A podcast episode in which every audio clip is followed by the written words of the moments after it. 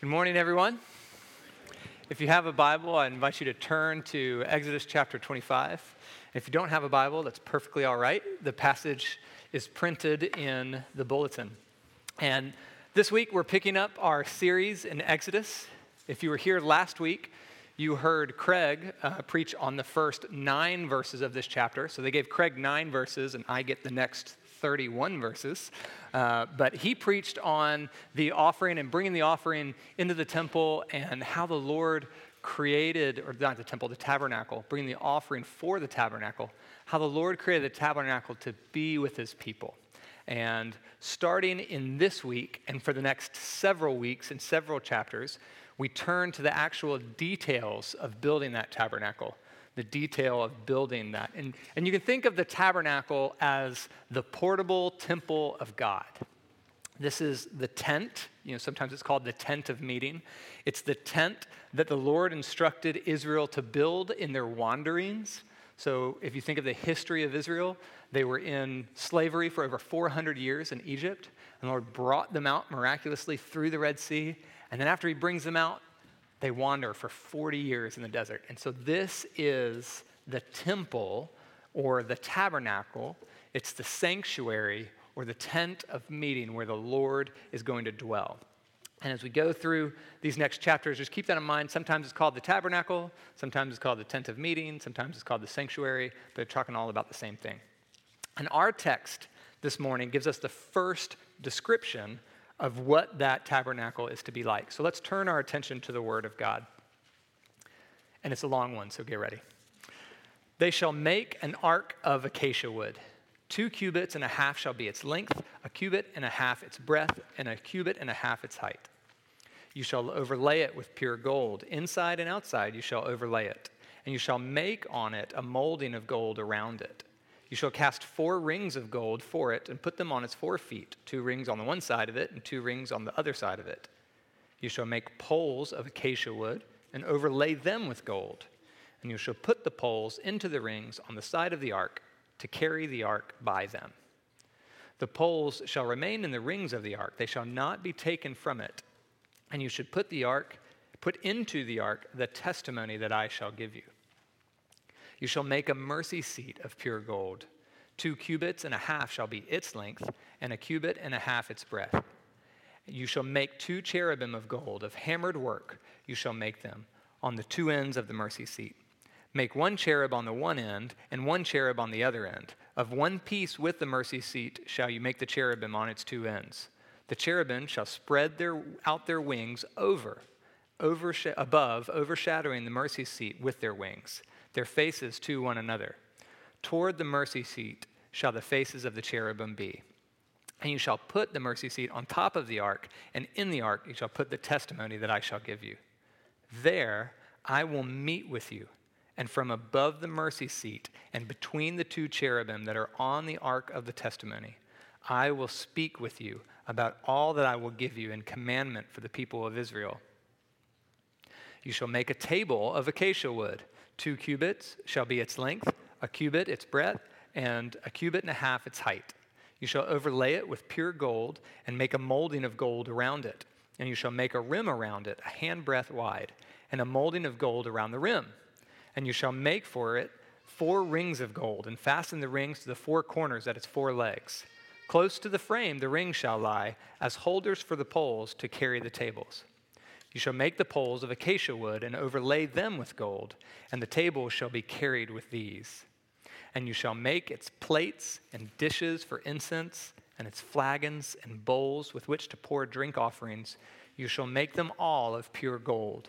And you shall set the bread of the presence on the table before me regularly. You shall make a lampstand of pure gold. The lampstand shall be made of hammered work. Its base, its stem, its cups, its calyxes and its flowers shall be of one piece with it. And there shall be six branches going out of its sides three branches of the lampstand out of one side of it, and three branches of the lampstand out on the other side of it. Three cups made like almond blossoms, each with calyx and flower, one on one branch, and the three cups made like an almond blossoms, each with calyx and flower on the other branch. So for the six branches going out of the lampstand, And on the lampstand itself there shall be four cups made like almond blossoms, with their calyxes and flowers, and a calyx of one piece with it under each pair of the six branches going out from the lampstand. Their calyxes and their branches shall be of one piece with it, the whole of it a single piece of hammered work of pure gold. You shall make seven lamps for it, and the lamp shall be set up so as to give light on the space in front of it.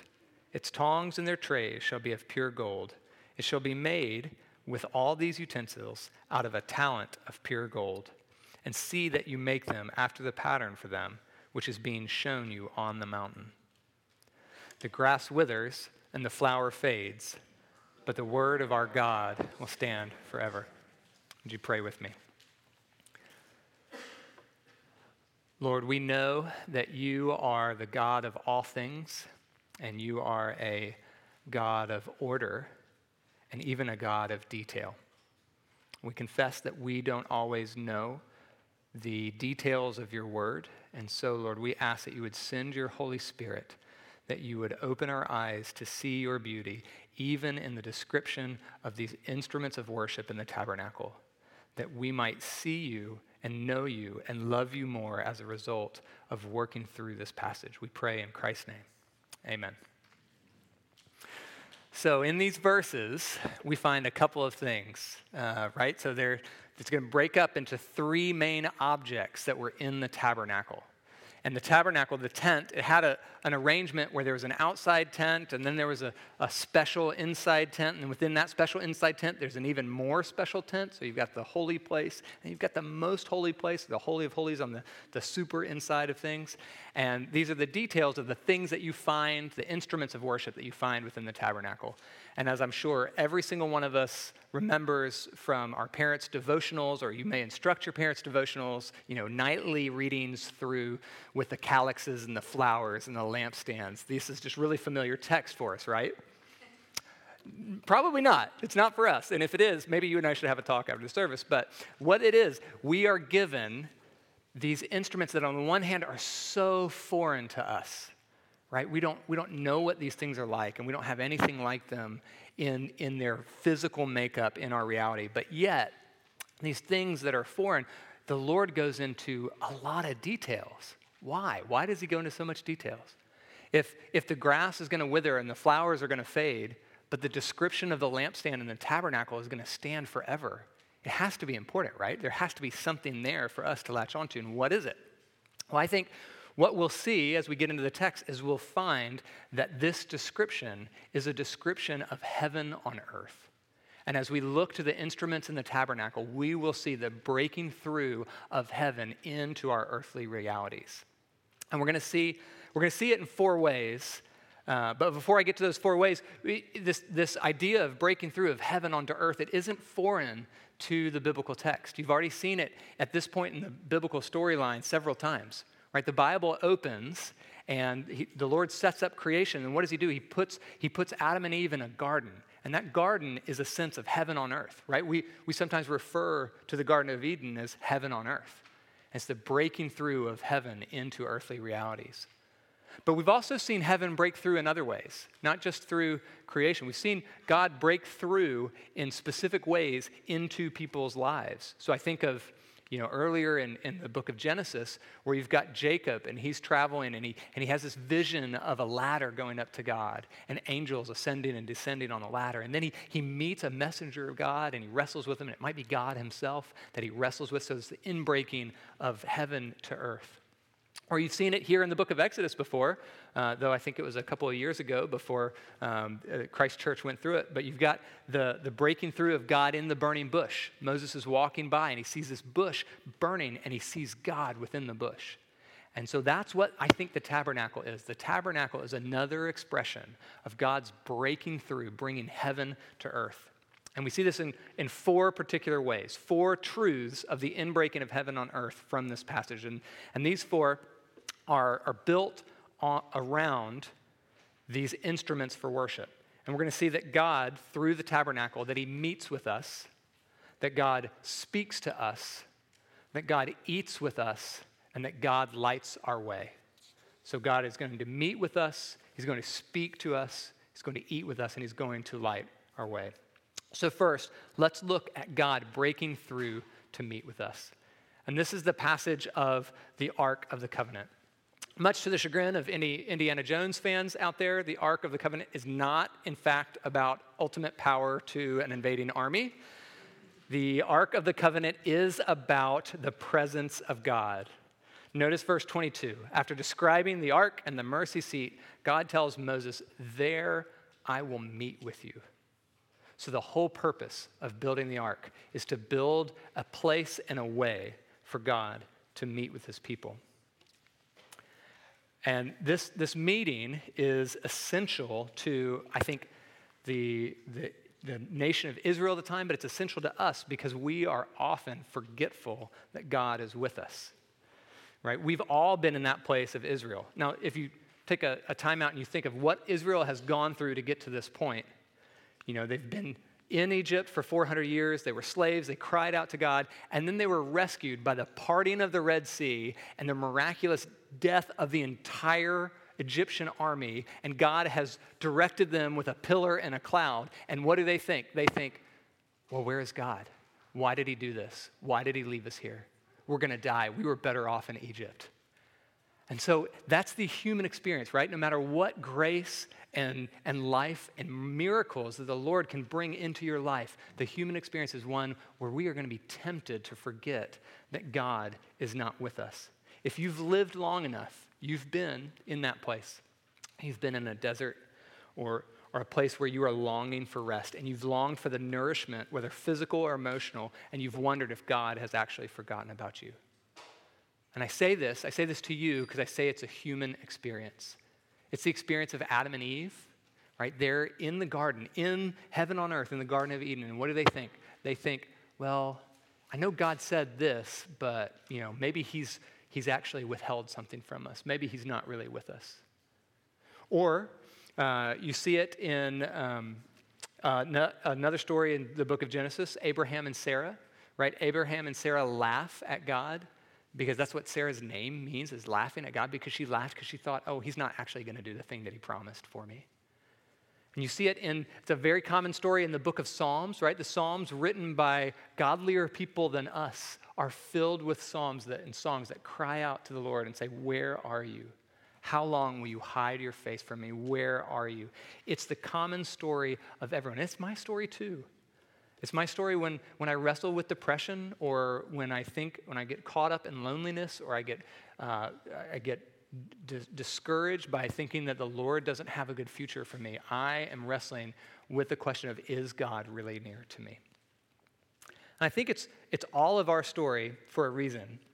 I think part of that reason is because it's not the way we were intended to be. So, this, this isn't the way that we were intended to relate to God. Our loneliness or our fear of abandonment is a result of our fall. And whether it's a result of other people's sin against us, which is partly the case, or whether it's a, uh, a case of our own indwelling sin, we all experience a sense of loneliness or unrest. It's what Blaise Pascal called the abyss. He referred to it as an infinite abyss that can only be filled with an infinite and immutable object, namely God. So, in the description of the ark, I think that we see all the way back in Moses' day, God has a specific plan to bridge that abyss. He has a specific plan for the loneliness, the fear of Israel, and the loneliness in your heart. So, how? How does the God of heaven break through? How does he use this tabernacle and this ark as an example? Well, I think the pattern of the ark is symbolic of the way in which God meets with his people. And so if you look at this text, you see that verses 10 through 16 describe one portion of the ark. They essentially describe a box. And that box is about four feet long and about two and a half feet wide and two and a half feet tall. And it's really fancy and it's overlaid with gold and it has feet and it has these rings for poles that will carry it. And, and into this box, Moses is to place the testimony. And that testimony, we learn later in the book of Exodus, is the Ten Commandments the tablets on which the hand of God wrote the Ten Commandments. And I think in this way, that box, that first part of the ark, represents who God is. he is in some way summarized in one way for us, for our human understanding, by the Ten Commandments. So if you want to know what God looks like, look at the Ten Commandments.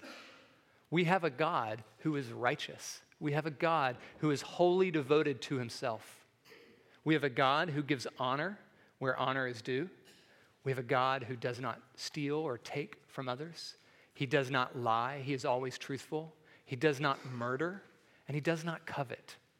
So the Ten Commandments is a picture of who God is. So God is a God who is totally dedicated to himself, the fullness of goodness. And that testimony is placed in the ark as a reminder of God's goodness and of his righteousness. So when God breaks through, when he gives us the tabernacle, the inbreaking of heaven on earth, when he breaks through to our earthly world to meet us, we are confronted with his goodness and with his righteousness, with the holiness of God. And thankfully, he doesn't end there. And so the second portion of the ark is what verse 17 through 21, what those verses describe as the mercy seat. And this is essentially you've got the box, and the mercy seat is the cover on the box. Okay, so the mercy seat, without spending too much time on it, the term mercy seat can be a little confusing, right? It's not a word we use. We don't bandy that r- word about in our normal language. So, what is the mercy seat? Well, the word is, is derived from the word for atonement. There's, there's actually no specific link to seat, it's just the atonement cover or the place of atonement. Now, mercy seat's a fine term. You can call it that if it's a it's kind of a religious term, like almost a placeholder that we use. But you can also think of it every time we read mercy seat in this text, think of it as the atonement cover or the place of atonement. Either way, whether you see the mercy seat or the atonement, the message is clear that our meeting with that righteous God, with that true and holy God, is only possible with the covering atonement. That mercy is built into the very tabernacle where God will dwell. And so every time Israel meets with God, they're going to be confronted with his mercy. And it's just like that for you and me. Every time we meet with God, we have to be confronted with his holiness, but also with his mercy. All, all people are this way. This is the way that meeting with God has to happen. In bringing heaven to earth, in the very construction of the ark, God has shown us that He is both or holy and good, but He's also shown us that He is creating a path to have communion, to be with His people. He said, I will be with you, and that comes through atonement.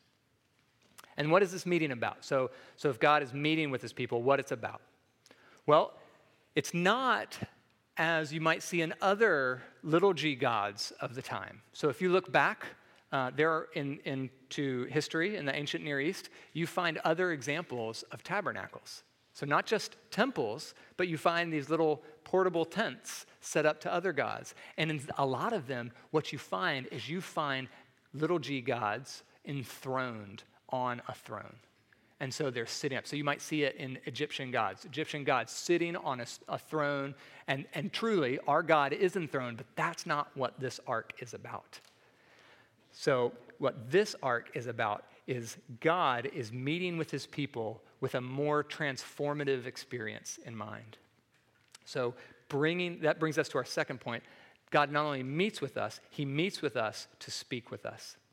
And continuing in verse 22, we see God promises to meet with his people and from verse 22, from above the mercy seat, from between the two cherubim that are on the ark of the testimony, God says, I will speak with you about all that I will give you in, the command, in commandment for the people of Israel. God has come down, he's broken through to speak with his people. And from the very first page of Scripture, I think we see that that speech is transformative. Right? Was the first thing God says in the Bible. He says, Let there be light. And what happens? There is light. And so God's speech is transformative in creation, but I think God's speech is also transformative in our lives. And so you see patterns like Abram. Abram, God speaks to him and says, Abram, get up, go from your country, and go to a new land, and I'm going to make you a father of nations. And so what does he do? He listens. He listens to the word of God. He gets up and he goes, and what happens? Abram is transformed into Abraham, the father of nations. But it also happened in Moses' life too. Moses met God in the burning bush, and essentially what he went through, he went from a prince of Egypt to an outcast, and then he, God re- speaks to him and redeems him and brings him back as the mediator, mediator and savior of God's people.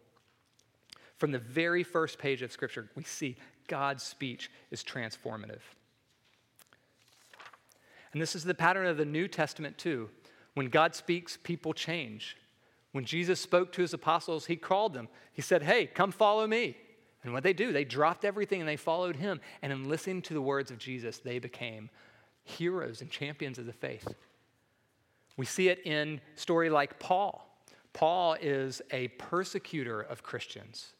Paul is going around trying to persecute and even put Christians to death for what he saw as blasphemy to God. And he's walking down the road, and the Lord speaks to him, and it changes his very life. And from that instance, he goes from a persecutor and killer of Christians to perhaps the most influential man, person in the Christian faith.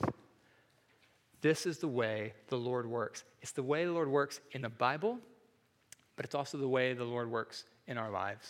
It's the way the Lord worked in my life. I came to know the Lord because someone preached about the good news of Jesus Christ to me, and my heart was changed. The Lord spoke, and He changed my heart. And later in life, after college, I was living in a way where I didn't realize that this faith that the Lord had given me meant uh, I needed to follow Him in certain ways. But what happened is He took me by His grace. He took me through a series of hard times where I had nowhere to turn, but I turned to His Word. And through God's word, He totally changed my life. And I know that's the story of many of you. The word of God speaks to us and it transforms us. The word of God is living and active and sharper than any two edged sword. And when God speaks to his people, they are transformed. Just like what he did in speaking the creation of the world and the existence, God is speaking through his Holy Spirit and recreating a broken world. That's his plan for the tabernacle. But not just for the tabernacle, that's his plan for heaven on earth. He has broken through to meet with you and to speak with you. But God isn't content just to make us new and walk away. He's not a God that opens our eyes only to vanish before us. He's not a God that, that makes us new. He, he doesn't set up the world or our lives like a clock and set it ticking, wind it up, and set it out and stands back and watch it and sees what happens. That's not the God we serve. So he wasn't content just to meet with us, he wasn't content just to speak with us. He wanted to eat with us, he wanted to commune with us. And that we see in the next series of verses, verses 23 through 30, in, in building of this table and the bread of the presence. So prior to this morning, if I had asked you, hey, what was in the temple of God? I'm sure many of you would have said, oh, yeah, there's probably an altar in there. You know, some of you would have gotten the arks in there. You know, you might have, you might have thought it's probably dark, maybe, maybe there's a lampstand, but how many would have remembered the table for the bread of the presence? The bread of the presence is in the holy place, and it's right next to the holiest place in the entire tabernacle. Why? Why is it there? Why would God set a table in his house? If you were here two weeks ago, you heard Nate talk about one of the reasons for a sharing of a meal right? God, he, Nate talked about how a meal can bring reconciliation. And so, if you had two warring kings and they were at war with each other, but they wanted to bring peace, they would get their armies together, get their nobles together, and they would have a meal. And that was a way to bring reconciliation. But there are other uses of meals, both in the Bible and in our lives, right? How do we use meals in our lives? One of the ways is we, I think we use them to celebrate. When I think about Thanksgiving and Christmas, if you were to ask me, hey, what was Thanksgiving and Christmas like growing up? I'm going to be telling you a lot about food. It's a way to celebrate. Um, you guys actually here at Christ Church are really good celebrating with food. We have had a lot of good food in celebration, both of you know arriving, but also celebrating of, of God's creation. It's a way to celebrate. Uh, but there's another reason that God can, can use uh, a meal, right? And that's this idea of communion. When we eat bread together, we join in fellowship together. And we join in that fellowship uh, around. It's not just for uh, the, the sake of eating together, it's for the sake of our relationships being united together. And it's why I think the tabernacle, the very first systematic expression, structured representation of heaven on earth, has a table in the holy place. God wants to celebrate with his creation. Yes, he wants reconciliation with his creation, but he wants celebration and he wants communion around the table. This is why, one reason why we encourage our home groups here at Christ Church to share a meal together. If you come into Christ Church as a new person, we're going to encourage you to get involved in a small group or a home group. And that group, one of the things that we tell our groups is we want you eating together. And at one level, it can seem a little weird, right? Why, do I have to, you know, meet with these people every week and eat with them? Well, it's, it's because it's a biblical pattern, and it's because it's a heavenly pattern. In sharing a meal together, we participate in these ministries the ministry of fellowship, the ministry of reconciliation, and even the ministry of celebration. And this is also why we share the communion meal each week at Christ Church. In sharing this meal together, we commune with our God in the meal that He instituted. And so, in doing that, we are celebrating the breakthrough of heaven on earth. So, the pattern of the tabernacle, the pattern of God bringing heaven to earth, is about meeting with us, about speaking to us, about eating with us, and in, lastly, in verses 31 to 40, we see that it's also about lighting our way. In these verses, God instructs Moses to make an intricate lampstand. You heard about its elaborate description, how it was hammered out of a single piece of gold, how it had all these branches, and on the branches there were flowers, and the flowers were these cups where they would put oil and, and light the lamps. Uh, because you probably don't think in terms of talents, but you think in terms of pounds or, or kilograms, uh, you might not know that that one single lampstand was 75 pounds of gold. So it's a pretty big deal. Why, if we think about when we look at it, why would this lampstand be so elaborate and so big? Well, on the one hand, the, am- the answer is simple. Uh, on the one hand, the, the uh, priest in the tabernacle needed light to see. He needed a lamp to be able to do the work of the tabernacle. But when we step back and we think about the significance, and we also do um, a little comparison to other things going on at the time, we can see that the answer is also profound. So it's not just that there needed light to be able to do it, the significance of the lamp is also that God is the one who lights the way. And so you might think of it if uh, any of you have read C.S. Lewis' story, Till We Have Faces. It's this mythology retold, tells, tells the, the myth of Psyche, and there's a description of a pagan god in this story. And the pagan god's temple is dark and it's shrouded in mystery and it's confusing, and not everybody knows what's going on. There's secrets that are hidden, and there's things that are kept in darkness. That is not the God we serve. The God we serve put a huge lamp to light up everything that was going on. And he does the same for our lives because he is the God of light. First John tells us that God, this is the message we have heard from him and proclaimed to you, that God is light, and in him there is no darkness at all. God not only created light, he is light. There's, he's not a God of darkness or confusion or pain. He is not a God of secrecy, the lampstand in the holy place reminds us that God's purposes, the very pattern of heaven on earth, are purposes of bringing light into dark places and lighting the way for us. And that's exactly what I think the whole program is about, the entire tabernacle is about. As we've seen, every instrument of this tabernacle, the lamp, as with all the others, the lampstand symbolizes the coming of heaven to earth and the breaking in of the kingdom of God. And moreover, if you ever read the book of Hebrews, you know that each of these instruments, you might remember each of these instruments in the tabernacle has a direct fulfillment in the coming of Jesus Christ. Jesus Christ is the ultimate expression of the inbreaking of heaven and earth. He is the one who met with his people, right? He dwelt among us. Jesus Christ is the one who spoke to his people. He actually became the very word of God become flesh. He's the one that came to commune with his people. He instituted this table that we're about to share, and Jesus Christ is the light of the world. God's purposes have always been restoration. and restoration of his creation. Heaven breaks through because God planned his redemption before the foundation of the world. And the tabernacle, and even these small instruments in the tabernacle, are a glimpse of that plan. What the author of the letter of Hebrews calls, they are a shadow of things to come.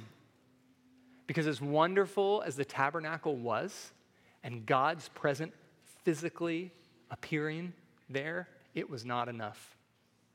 The generation of Israel in Exodus didn't enter the promised land. They needed more than the ark, they needed more than the table, they needed more than the lampstand. They needed, they needed in their presence, they needed uh, the God who became flesh. They needed, rather than the showbread and the table, they needed the bread of life and the living water. Rather than a lampstand in the tabernacle, they needed the illumination of the Holy Spirit in their hearts. And this is what we need. Each of us, each of us needs these instruments and their, their symbolic meaning. Each of those speak to an eternal need that we have. We feel lonely because we're made in the image of God, and yet we, we sin and we distance ourselves from Him and from others.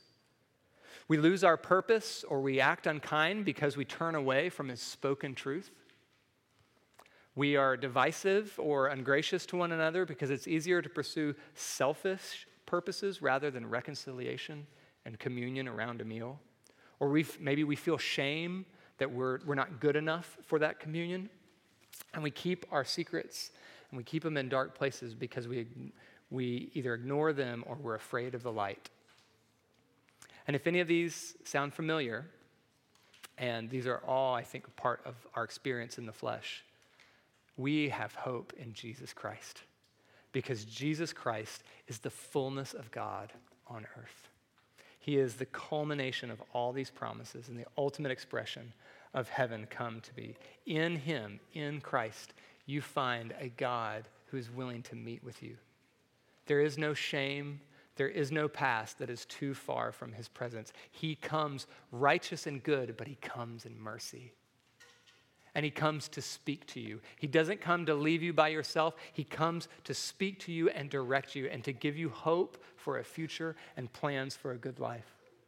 And he doesn't just speak with you, he wants to commune with you. He wants to, to commune with his body, the church. He wants to commune around the communion table. And he ultimately wants communion with him in heaven.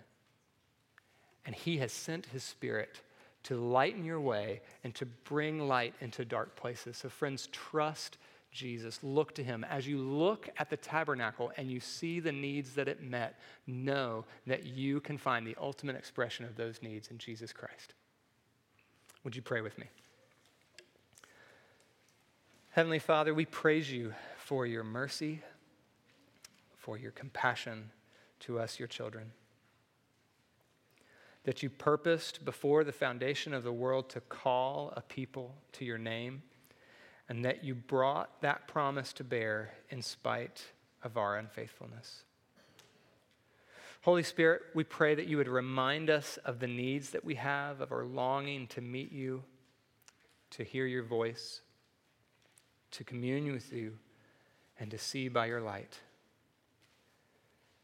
And Lord, grant that we might look to Christ and find him as the ultimate expression of heaven come to earth, and that we would place our faith and our trust and our rest in the finished work of his sacrifice. We pray in his precious and holy name. Amen.